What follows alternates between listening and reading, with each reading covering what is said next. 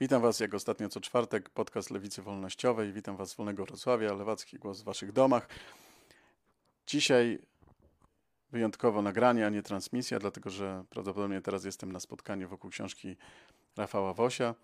Natomiast dziś chciałbym zaprezentować Wam mój pierwszy wywiad, jaki przeprowadziłem w Warszawie z aktywistą i aktywistką Komitetu Obrony Praw Lokatorów, którzy opowiedzą, y, jak to działa, co się dzieje w Warszawie, jak wygląda stan reprywatyzacji aktualnie, jak y, rząd i PiS próbują zawłaszczyć y, pracę organizacji lokatorskich. No, myślę, że będzie to ciekawy dla Was wywiad, zwłaszcza, że jednym z celi tego podcastu jest prezentowanie właśnie takich organizacji. Będę pro prowadził takie rozmowy także z innymi organizacjami z kraju i w różnych obszarach działających, ponieważ jednym z celi mm, tego, co robię, jest namawianie do aktywności społecznej, tak żebyście wiedzieli, co się dzieje i do czego możecie się ewentualnie włączyć. Natomiast e, jeszcze krótko możemy dzisiaj sobie, mm, zanim zacznie się wywiad, e, porozmawiać o tym, co ostatnio było w ostatnim tygodniu, co się działo, no, jednym z takich wydarzeń politycznych była 30. rocznica tak zwanego obalenia komunizmu, jak to pani Szczepkowska wówczas e, była łaskawa powiedzieć. E, no oczywiście żadnego obalenia komunizmu nie było, bo wcześniej nie było żadnego komunizmu, ale e, a także przemiany gospodarcze zaczęły się znacznie wcześniej, już w połowie lat 80. było PZPR już przechodził do rynkowego kapitalizmu i szykowali się do Nomenklatura szykowała się do przejęcia wspólnego majątku. W 1989 roku tylko dookoptowali e, elitę Solidarności, i, która zdradziła program Samorządna Rzeczpospolita z pierwszego zjazdu Solidarności, który zakładał współ, czy samorządność po prostu pracowniczą. E, no, tam było trochę więcej punktów generalnie, no, nie tak to miało być. Nie o to walczyliśmy tyle lat burząc mury, jak śpiewała kiedyś Ania Ortodoks. O transformacji, jej skutkach yy, pewnie trzeba by zrobić osobny podcast, a nawet są dyskusje. Natomiast no, jej obraz jest z obu stron zafałszowany, znaczy obie zwalczające się teraz prawicy, prawice yy, próbują udawać aktorów, którymi wówczas nie byli. Yy, no ale jak mówię, to jest temat na szerszą dyskusję. Mm, Teraz żyjemy w okresie potransformacyjnym. Musimy się borykać z poważnymi problemami, zwłaszcza młodsze pokolenie na ośmieciowionym, uelastycznionym rynku pracy, bez, często bez widoków na emeryturę. E, I e, raczej ta wizja, że jak zaciśniemy pasa, to dogonimy Niemcy, to się raczej nie, nie ziści. E, mm, no i oczywiście wspominki wspominkami, ale należałoby się zastanowić, co dalej. I to też warto by y, jakiś podcast też o tym zrobić. Natomiast mm, no, smutne jest to, że y, analizy transformacji prawie, no, prawie się w ogóle nie pojawiły w Polsce, rzadko pojedyncze jakieś, mm, jakieś rzeczy, a najpoważniejsze analizy przeprowadziły osoby spoza granic Polski, e, między innymi David Oast e, o klęsce Solidarności, który w swojej książce ujawnił fakt, czy zaprezentował fakt, że e, ta klasa, która najbardziej walczyła i, i, i która stworzyła Solidarność, najwięcej przegrała na tych przemianach. Najwięcej wygrała paradoksalnie wierchuszka PZPR-u oraz wierchuszka Solidarności Natomiast klasa pracująca jak zwykle dostała w tyłek. Symbolem tego dla mnie zawsze pozostanie los osób z, ze sprywatyzowanych złodziejsko byłych mieszkań zakładowych. Tego się nie da już wyjaśnić jakimiś koniecznościami, e, koniecznościami ekonomicznymi, e, że, że zakład był nierentowny i tak dalej. To, to po prostu było przejęcie majątku. E, na przykład we Wrocławiu kupowano w przeliczeniu na dzisiejsze po 4000 zł za mieszkanie, nie za metr mieszkania, e, które no, po prostu należały e, faktycznie do kogoś innego, nie tylko z punktu widzenia własności użytkowej, ale także, także tego, że inne osoby budowały te mieszkania i e, wkład dawały i zostały w sposób złodziejski pozbawione prawa pierwokupy chociażby nawet. Więc teraz mm, borykamy się z tym we Wrocławiu i próbujemy ratować tych ludzi przed eksmisjami, przed dręczeniem i przed e, zawłaszczaniem ich, e, ich mieszkań przez różne dziwne postaci. E, no, tak jak mówię, o transformacji trzeba by jeszcze dużo mówić i pewnie wiele jeszcze podcastów zajmie ten temat. Natomiast no, ja nie potrafię się cieszyć i tyle powiem. Mm.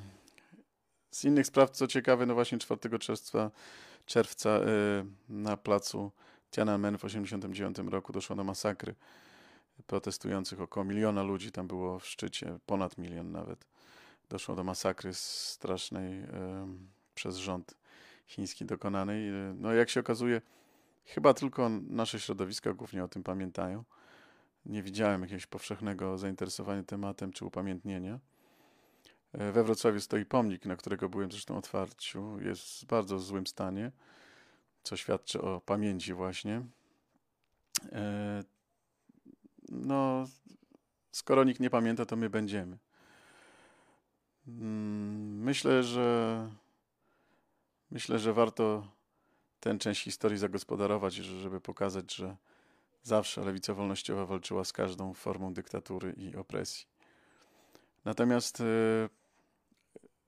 z weselszych dla mnie rzeczy, żeby nie, tak nie dołować, no to byłem w Warszawie w weekend na Polskim Forum Społecznym, gdzie poznałem bardzo ciekawe osoby. Spodziewałem się, jadąc tam, że głównie będą osoby z mojej bańki. Mm, bardzo przyjemnie, się, bardzo przyjemnie dałem się zaskoczyć. Okazało się, że było bardzo dużo osób z kraju, których nie znałem i miałem okazję i przyjemność poznać. Pozdrawiam, jeżeli ktokolwiek słucha teraz, y, kto był Mm, no, te, te znajomości, mam nadzieję, przyniosą jakieś efekty w przyszłości, mm, praktyczne bardziej. E, samo forum było bardzo ciekawe, ciekawie przeprowadzone, nie było oparte na wykładach czy, czy jałowej gadaninie wyłącznie, ale pracy w grupach, gdzie, gdzie każdy temat e, miał tendencję, czy, czy tak był prowadzony, żeby, żeby prowadzić do jakichś pewnym stopniu praktycznych wniosków, czy, czy jakichś kierunków praktycznych, chociaż żeby osiągnąć, żeby każdy, każda osoba e, wyszła z jakimś, z jakimś pomysłem, co ewentualnie można z tym zrobić dalej. Więc to było bardzo fajne. Mimo, że brało udział kilkadziesiąt osób, to grupy były podzielone na 11-osobowe podgrupy, więc nie było przepychania się tłoku i przekrzykiwania się. E, było bardzo sprawnie przeprowadzone. No, generalnie myślę, że takie spotkania, takie fora, które nie mają na celu od razu wywołania nie wiadomo jakiej zmiany natychmiastowej, ale mające na celu spotkanie po prostu ludzi z różnych e, miejsc w, w kraju i być może w przyszłości też z zagranicy, e, pomoże jakby w przyszłości w sposób naturalny wytworzyć e, pewne, pewne takie prywatne, półprywatne struktury, które, które z, y, mogą wywołać jakieś zmiany, mikrozmiany, które później przynoszą, przyniosą większe zmiany. Zawsze spotkanie i rozmowa jest dobra. E, także e, nawet jeżeli się z kimś nie zgadzamy, czy, czy przyszedł z innego kontekstu politycznego, czy ma inne poglądy, zawsze rozmowa jest bardzo dobra, zwłaszcza na żywo, twarzą w twarz, nie w internetach, które podgrzewają, które podgrzewa emocje. E, no tam były osoby z bardzo różnych i, i anarchiści, i osoby z ruchów miejskich, i osoby z NGO-sów, i, i osoby mm, zaangażowane w różne inicjatywy, i z ruchu kobiecego, i z ruchu ekologicznego, i ze świata kultury. Mm, tak więc mm, no, bardzo różnorodne środowisko i, i bardzo, bardzo to było ciekawe dla mnie doświadczenie. Mam nadzieję, że to będzie kontynuowane. E, samo wydarzenie było e, teraz przeprowadzone przez e, instytucję Biennale Warszawa oraz kolektyw Syrena z Warszawy. Mm, także mm, dziękuję za przeprowadzenie mm, sprawnie tego wszystkiego. No więc powoli będę kończył e, dzisiaj Słowotok i zapraszam do wysłuchania wywiadu e, z Komitetem Obrony Praw Lokatorów, zostawiania oczywiście komentarzy, szerowania e, podcastu, jeżeli Wam się wydaje ciekawy, proponowania też tematów na przyszłość. No i do usłyszenia za tydzień, a może wcześniej, nie wiadomo. A teraz zapraszam do słuchania wywiadu. W tym roku obchodzicie dziesięciolecie Komitetu Obrony Praw Lokatorów i dlatego e, chciałbym zapytać Was o, o to, jak widzicie te ostatnie 10 lat. E, w ogóle jak to się zaczęło, od czego to się zaczęło, dlaczego to się zaczęło i jak... mm, No, może od tego zacznijmy. No więc nie wiem, czy Laura chcesz zacząć, czy... No ja mogę zacząć, tak. No to było tak, że my tutaj jesteśmy na Pradze od wielu lat i no zauważyliśmy, że nadchodzi gentryfikacja dzielnicy i zaczęliśmy o tym mówić głośno, plakatowaliśmy, wydrukowaliśmy gazety uliczne i tak dalej. I w pewnym momencie też były takie problemy lokatorskie, które zaczęły pojawić się. A lokatorzy zaczęli sami organizować wiece, protesty i tak dalej. I no, zdarzyło się, jak e, spotkaliśmy tych ludzi, e, że oni tak naprawdę chcieli troszeczkę więcej organizować się. I my proponowaliśmy, e, żeby no raczej, żeby oni po prostu założyli organizację razem z nami i no tak się z- zaczęło. No takim e, katalizatorem jakby tego wszystkiego było to, że była 200% podwyżka czynszów w mieszkaniach komunalnych Nawet 300. Y, Tak. i wtedy po prostu to spowodowało no, taki wybuch e, dużego niezadowolenia wśród, wśród lokatorów i no i stwierdziliśmy, że no może, może ich zaprosić, jakieś tam e, osoby tutaj, żeby przyszły, żeby porozmawiać z nimi o tym. Rozdaliśmy ulotki na jakimś festynie ulicznym. I co się okazało? No, liczyliśmy na to, że po prostu e, przyjdzie tu jedna, dwie osoby i sobie pogadamy i na tym to się pewnie skończy, bo wcześniej tego typu zainteresowanie było.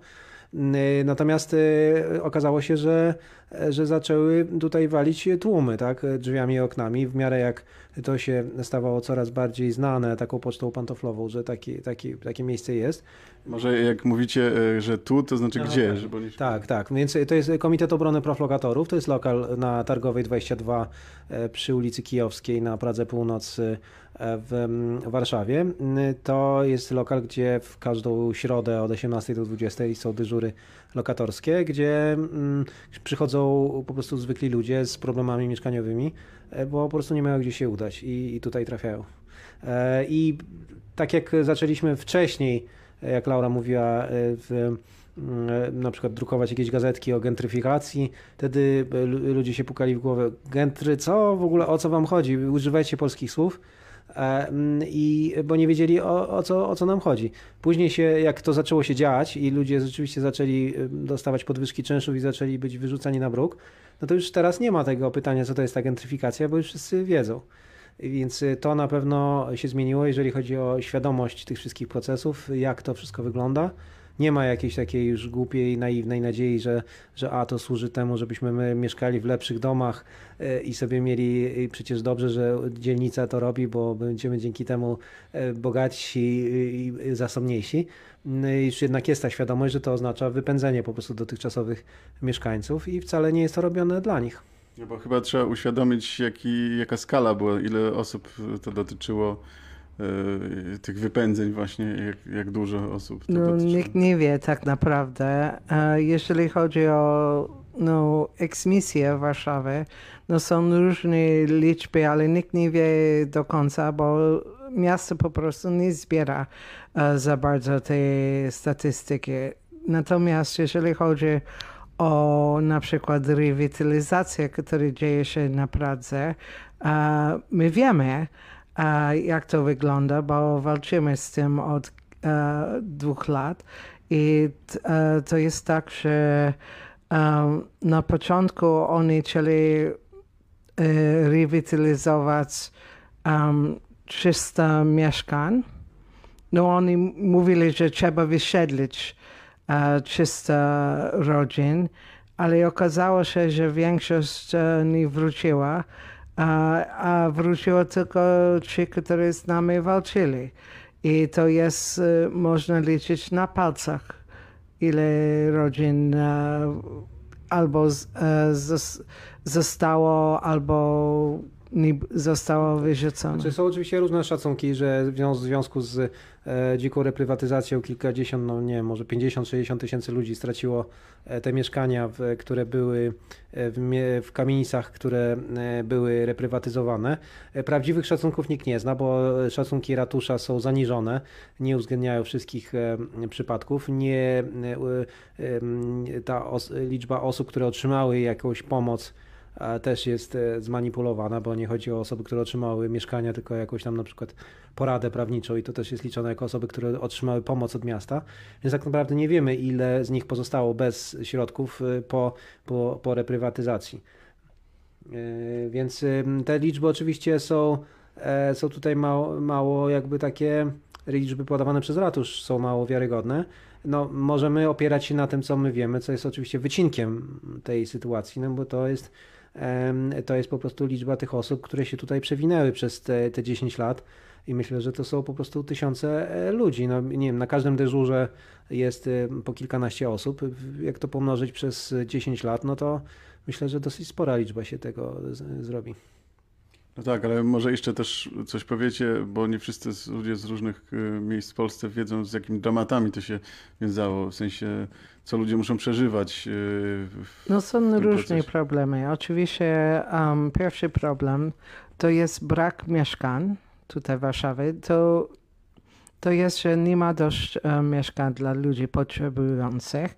I to jest problem chyba w całej Polsce, nie tylko w Warszawie, ale no jest po prostu zagęszczenie w niektórych mieszkaniach, um, na przykład komunalne. Za dużo ludzi um, mieszkają no, na tejże ulicy. Uh, są ludzie, którzy mieszkają 8 osób uh, w 30 metrach i tak dalej. I to nie powinno mieć miejsca, tak? Um, inne problemy to są uh, no, problemy reprywatyzacji, tak? E, lub po prostu brak standardów e, mieszkania. Żeby powiedzieć, co, co to są problemy reprywatyzacji, czyli e, podwyżki czynszów niekontrolowane zupełnie bez żadnego limitu, czy też jakby remonty uciążliwe, które mają na celu wykurzenie istniejących lokatorów, zalewanie celowe tych mieszkań, rozmontowywanie dachu, odcinanie prądu, wody i tak dalej. No i jak e, chyba zauważyłeś już, bo byłeś tutaj um, kilka razy, znasz, że tutaj nie mamy centralnego ogrzewania e, w tym budynku. I to znaczy, że ludzie mają czasami problemy z ogrzewaniem e, i muszą płacić po prostu horrendalne rachunki e, zimą, jak oni muszą albo elektrycz, ogrzewać, czy no nie wiem. E, no to, to są problemy, tak? Bo wtedy ludzie wpadną w spiralę zadłużenia i oni nie mogą dostawać z, z, z tych e, zadłużenia. A jak wygląda sytuacja z politykami? Bo ostatnio teraz mieliście mm, na przykład sytuację, że no, władza czy, czy politycy próbują sobie zawłaszczać pewne, pewne rzeczy, które e, ruchy lokatorskie czy wy e, robicie? No politycy oczywiście lubią sobie przypisywać wszystkie sukcesy. E, tak było faktycznie w przypadku blokady eksmisji na Stokłosach, która została zorganizowana przez nas. Napisaliśmy też odpowiednie pisma do, do sądu, do komornika, żeby zablokować tę eksmisję. Też mnóstwo osób z różnych organizacji tam się pojawiło, żeby to blokować. Natomiast nie było tam ministra. Później minister powiedział, że, że to ministerstwo zablokowało tą eksmisję, co oczywiście nie jest prawdą. To, co jest prawdą, to to, że oni wykonali telefon do komornika i objęli nadzorem jego postępowanie, co też oczywiście jest dobre, natomiast nie spowodowałoby to zablokowania eksmisji. Mm, więc no, dużo było mowy o tym, że że Prawo i Sprawiedliwość próbuje sobie przywłaszczyć jakby ten temat no przez jakby sam fakt powstania komisji weryfikacyjnej. Yy, to jest tak, no, wydaje mi się, że bez istnienia tego dziesięcioletniego organizacji lokatorskich yy, komisji weryfikacyjnej też by nie było, no bo przecież yy, ten materiał, którym oni dysponowali, no pochodził w dużej mierze od organizacji lokatorskich, w tym od nas, więc nie byłoby takiej możliwości, żeby oni sami ten temat jakby rozpoznali, czy czy, czy zorientowali się w nim, bo, bo to też widać w takiej no, bezradności e, tych urzędników w zetknięciu z tym materiałem. Gdyby, gdyby nie otrzymali wskazówek, to, e, to mało z tego by wyszło, nawet by nie wiedzieli kogo pytać. My musieliśmy im dostarczać kontaktów do lokatorów i, i informacji, jak analizować te dokumenty. No bo czasami taka wizja jest, zwłaszcza przez polityków, zwłaszcza niektórych partii, że dopiero jak E, że dopiero jak zdobędziemy władzę, że musimy założyć partię, najlepiej może jakby lokatorzy sami założyli partię i dopiero jak zdobędziemy władzę, to wtedy te problemy wszystkie e, zostaną no, kiedyś to, e, to bzdura, bo już były e, lokatorzy, którzy trafili do rady i tak dalej i po prostu momentalnie oni zapomnieli o sprawach lokatorskich. Tak, tak. No, momentalnie zmienili front i zaczęli działać zgodnie z interesami i z dyscypliną partyjną. No to jest oczywiście do przewidzenia. E, nie jest oczywiście też prawdą, że cokolwiek, żeby cokolwiek osiągnąć, nawet na tym poziomie takim instytucjonalnym, potrzebne jest e, jakby istnienie partii czy zdobywanie władzy. E, dowodem na to jest to, że jednak przez te wszystkie lata udało nam się wprowadzić bardzo wiele zmian w ustawach, czy zablokować niekorzystne ustawy. Przez te 10 lat no było przynajmniej cztery próby mm, skreślenia artykułu 14 z ustawy o ochronie praw lokatorów. Dla e, tych, którzy nie wiedzą, e, powiem, że to jest ten artykuł, który chroni e, ciężarne matki przed eksmisją na bruk i też osoby starsze, chore, bezrobotnych. Mm, wszystkie partie po kolei miały zakusy, żeby skreślić ten, e, e, ten mm, artykuł pod pretekstem, że to zwiększy rotację w lokalach i umożliwi pomoc najbiedniejszym. Oczywiście by się to skończyło tragedią tych wszystkich e, ludzi. Mm, to udało nam się czterokrotnie zablokować. Udało nam się też zmienić ustawę o rewitalizacji, tak żeby nie oznaczała wypowiadania umów. Udało nam się wymusić to, żeby ludzie mogli wracać do tych lokali po remoncie i też znacznie złagodzone zostały te ostatnie zapisy w, w ostatniej nowelizacji ustawy o ochronie praw lokatorów. Chciano tam na przykład skreślić e, dziedziczenie najmu po rodzicach. E, to też zostało zachowane i to, to dzięki naszemu lobbyingowi, nie ma co tutaj ukrywać. No właśnie, bo często tak, e, zwłaszcza niszowych partii różnych mówią, że no wy tutaj sobie trochę poszumicie na dole, jakieś pikietki zrobicie, no ale prawdziwa jakby zmiany są, są systemowe czy, czy, czy w prawie, a, a, a no to też warto podkreślić, że nie tylko pikietami się zajmujecie, ale też taką pracą no tak, ale e, musimy naciskać e, cały czas na władzę, bo jeżeli nie naciskamy cały cały czas, jeżeli nie ma e, ruchu ludzi, którzy będą naciskać, oni po prostu będą kontynuować jak e, dotychczas. No oczywiście, no jakiekolwiek zmiany, które się pojawiły, no były właśnie e, skutkiem tych, tych może nie jakoś bardzo, bardzo jakichś robiących wrażenie pikiet, ale mimo wszystko zauważalnych. Miały one przebicie w, w mediach lokalnych, bo dzięki temu, że że cały czas jakby dostarczamy prawdziwych historii po prostu tych ludzi i ich sytuacji, no to też mamy dobre, dobre kontakty w mediach i dzięki temu też te nasze postulaty e, były no, przedstawiane e, po prostu jako wiarygodne, no bo są wiarygodne, opierają się na prawdziwych historiach ludzi, na prawdziwych sytuacjach, które nie są w żaden sposób zrozumiałe dla, e, dla kogoś, kto nie siedzi w tym, w tym temacie. I, I, dopiero właśnie po, po pokazaniu tych konkretnych przypadków, konkretnych e, błędów polityki mieszkaniowej są zmiany. W tej chwili wesz, weszła dopiero co uchwała Rady Miasta o oddłużeniu. Zawiera ona szereg naszych, naszych sugestii, choć, choć nie wszystkie ale jednak e, jest tam uwzględnienie tego, żeby nie dziedziczyć na, e, długu po, po rodzicach, jak się wchodzi w życie dorosłe z, z jakimś, są takie osoby, które mają 100 tysięcy długów w momencie osiągnięcia e, pełnoletności. Oczywiście nie mogą sobie z tym poradzić, tego ma nie być dzięki tej nowej uchwale. Tak, Nie, i też, nawet, też nawet być, e, dwa lata temu oni twierdzili, że nie ma takich przypadków, Tak, tak? Twierdzili, że nie ma takich przypadków, potem twierdzili, że się nie da, bo, bo bo kodeks cywilny nie pozwala, a na koniec to zrobili. Więc, więc da się. I, I da się też umorzyć dług za ogrzewanie elektryczne. Okazuje się, i też to wynika z, z, z tego, że było to nagłaśniane przez organizacje lokatorskie. E, no, A co, co uznalibyście, że nie do końca się udało, albo jakie problemy są, e, e, czy wyni- powstawały w ciągu tych 10 lat, czy ostatnio e, są jakieś... No na pewno nie ma nadal ustawy reprywatyzacyjnej, nadal nie ma żadnej gwarancji, że nie zacznie się na nowo zwracanie budynków z lokatorami. Już zaczęło się.